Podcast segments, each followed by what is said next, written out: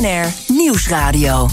De Zakenlunch. Tijd om belangrijk zakelijk nieuws van dit moment te bespreken. Samen met Erik Klooster van de Vereniging Nederlandse Petroleumindustrie... en Stan Westerterp van Bond Capital Partners voor een blik op de beurs. En Stan, als je het eh, vandaag de dag over de beurs hebt... dan gaat je blik wel naar de beurs, maar vooral naar Wyoming, naar Jackson Hole. Ja. De bijeenkomst voor de centrale bankiers aangevuld met wat prominente hoogleraren... en mensen die denken er ook veel van te weten. Ja.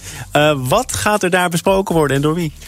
Nou ja, het thema verandert uh, ieder jaar, maar uh, ja, dit jaar zal geen verrassing zijn. Het zijn centrale bankiers, dus die praten over saaie onderwerpen als inflatie en economische groei.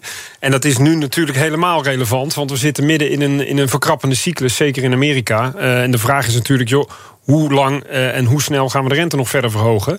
Uh, Jerome Powell is ook aanwezig. Ook dat is een traditie. Het is een, uh, een bijeenkomst oorspronkelijk van de Kansas City Fed. Die zijn ooit in Jackson Hole, een of ander gat, letterlijk in Wyoming terechtgekomen. Paul Volcker is begin jaren tachtig daar als eerste op de uitnodiging ingegaan om daar naartoe te gaan. En eigenlijk is het daarmee een soort traditie geworden. En ja, het is een beetje het, de, de, de, woedstok van, van centrale bankiers, ook wel eens gezegd. Want iedereen komt daar samen. Klaas Knot is er ook. en het is toch wel erg belangrijk belangrijk, zeker in deze tijd, om te, te horen wat, uh, wat men daar vindt. Maar uh, worden daar dan serieuze rentebesluiten genomen? Of wordt er vooral een voorschot genomen ja. op wat we in de toekomst zullen gaan horen? Ja, kijk, en zeker Jerome Powell die heeft al een tijdje niets meer van zich laten horen. We hebben natuurlijk uh, verse inflatiedata gehad eind juli. Dat bleek dat de kerninflatie in Amerika wat aan het afkoelen was. Uh, maar je anders... kan beter de notulen lezen dan als je echt wil weten hoe Ja, maar die waren ook nog van voor die laatste cijfers. dus ja, we, we, willen een beetje richting krijgen. En de grote vraag is natuurlijk, hè, de, de markt verwacht drie kwartjes nog eens een keer omhoog eind volgende maand. Maar is dat het pad waar we op zitten volgens Jerome Powell? Of begint de Amerikaanse economie dusdanig te tekenen van afkoeling te vertonen... dat het, uh, de voet weer wat van het, uh, van het gaspedaal af moet? Of andersom, wat minder hard de rem ingedrukt moet worden? dus vandaar dat dit ontzettend belangrijk is. een markt die rijkhalsend naar uitkijkt. en dan komt morgen met een, met een, met een speech. En dan, ja, dan wordt ieder woordje weer op een goudschaaltje gewogen. Heeft het ook veel nut om daar met elkaar als centrale bankiers over te praten? Want de ECB en de Fed lijken wel ongeveer hetzelfde beleid te voeren, maar toch zijn er wel wat verschillen in de uitgangspositie. Dus in hoeverre kun je dan één lijn trekken? Nou, je ziet dat bij de centrale banken in Amerika toch de neuzen vaker dezelfde kant op staan. En dat er niet zoveel uh, verschil is tussen uh, zeg maar, uh, de noordelijke en de zuidelijke landen, zoals wij dat in Europa natuurlijk kennen. Waar echt de, de, de haviken en de, de duiven door elkaar zitten natuurlijk. En het veel moeilijker is voor Christine Lagarde om uiteindelijk ja, één gemeenschappelijk beleid te vormen. Wij willen natuurlijk allemaal de rente verhogen om de inflatie fors te bestrijden. aan de andere kant, ja, landen als Italië, die zitten daar wat minder op te wachten, want hun staatsschuld is gewoon simpelweg te hoog. We gaan ja, van uh, Amerika en Europa naar Azië. Want Erik, opvallend nieuws, zeker als je kijkt waar het vandaan komt. Japan overweegt nieuwe kernreactoren te bouwen en oude centrales weer aan te zetten. Juist in Japan. Uh, dat viel ook jou op. Als je heel dicht bij de microfoon wil praten, kunnen ook de luisteraars dat goed horen. Ja?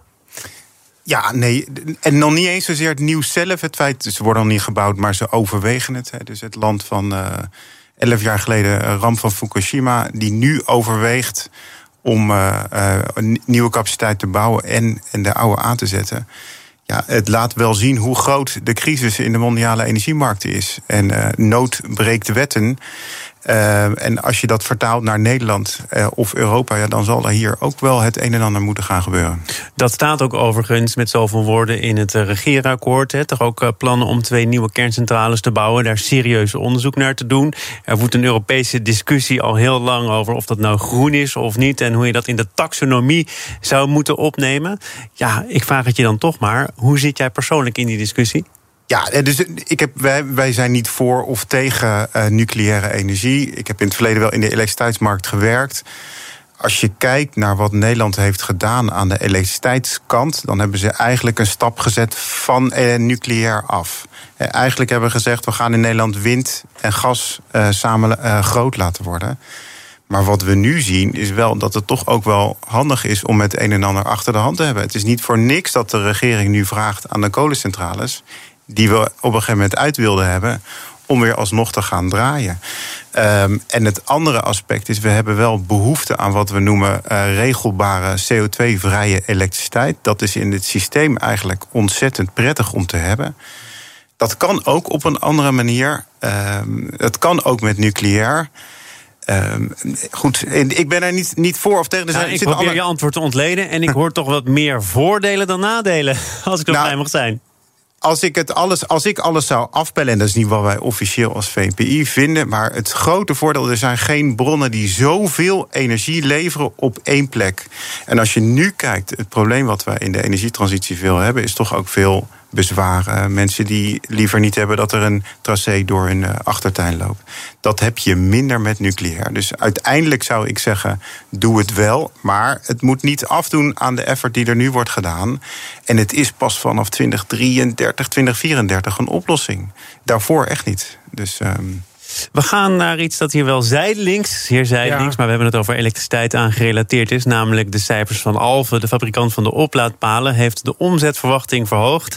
De omzet steeg in het tweede kwartaal met 79 procent. Nou zijn de volgers van het aandeel Alfa natuurlijk wel iets gewend. maar dit is toch nog wel weer boven verwachting? Ja, zeker. Boven verwachting van de, van de analisten. Boven verwachting eh, van de consensus dus. Maar ook de, de outlookverhoging uh, die daar achteraan volgde. Dus de omzetverhoging. Uh, die, die was ook nog eens hoger dan verwacht. Dus Alfen, dat, dat aandeel wordt wel, wordt wel gewaardeerd op de, op de Amsterdamse beurs. 9 procent hoger.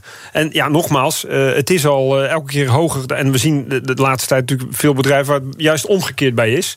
En met name inderdaad in de laadpalenbusiness, de installatie daarvan, dat is uh, fors toegenomen. dan zag ik de toelichting van de topman. Die zei: uh, het, ziet er allemaal geweldig uit. En inderdaad, we kunnen met vertrouwen naar de toekomst kijken. Maar ik zie toch ook wat potentiële obstakels opdoemen. Had hij het over de toeleveringsketen, geloof ik. Het ja. moet allemaal wel gebouwd kunnen worden. Ja, het stroomnet zit natuurlijk ook uh, vol. Die discussie die hebben we natuurlijk ook al vaker gehad. En daar pas hè, het onderwerp waar we het net over hadden ook. En wij kijken daar vanuit de beleggingswereld ook heel in, geïnteresseerd naar. Bijvoorbeeld inderdaad kernenergie, mini-reactoren die je overal neer kan zetten. Er zijn niet zoveel pure play bedrijven die daarmee actief zijn en die ook nog eens beursgenoteerd zijn. Dus het is af en toe met een stofkam er doorheen van joh. Waar gaan we heen en hoe gaan we daar proberen ook uh, in te beleggen? Vorige week stond er een groot stuk in het FD over nucleaire start-ups. Ja. Met het oog op de toekomst interessant? Zeker, absoluut. Alleen nogmaals niet beursgenoteerd. Dus voor ons lastig om toegang rechtstreeks uh, tot te krijgen.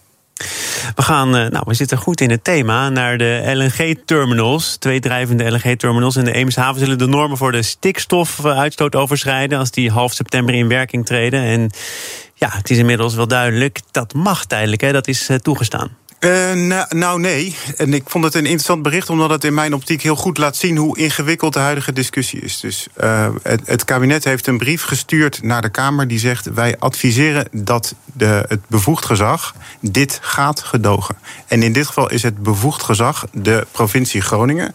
En die moet überhaupt die vergunning nog gaan afgeven. Dus de vergunning wordt verwacht in 2023. Nu stuurt het kabinet een brief naar de Kamer van wij zijn ervoor uit oogpunt van leveringszekerheid. Strikt genomen, als je de wet goed interpreteert, zou dit nu niet mogen. Maar we hebben met z'n allen wel gas nodig. Daarom stuurt het kabinet deze brief.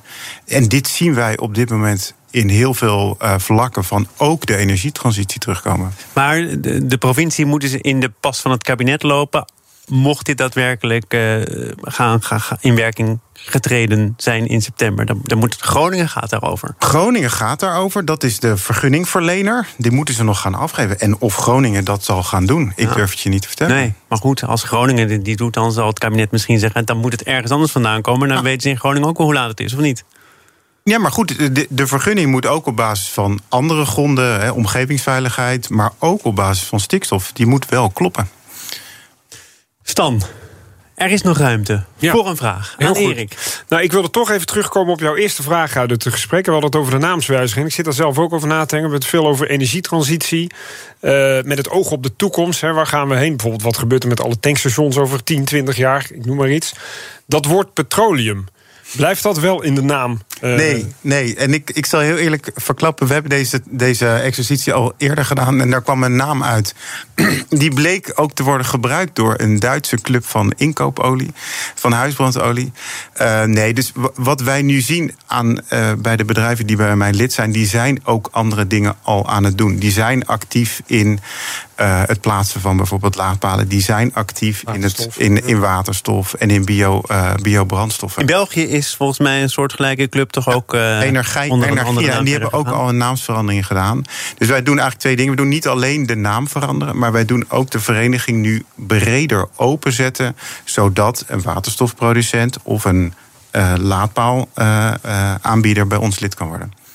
We praten daar, zoals gezegd, over door na half één. Eerst bedank ik Stan Westerterp van Bond Capital Partners. Tot de volgende keer.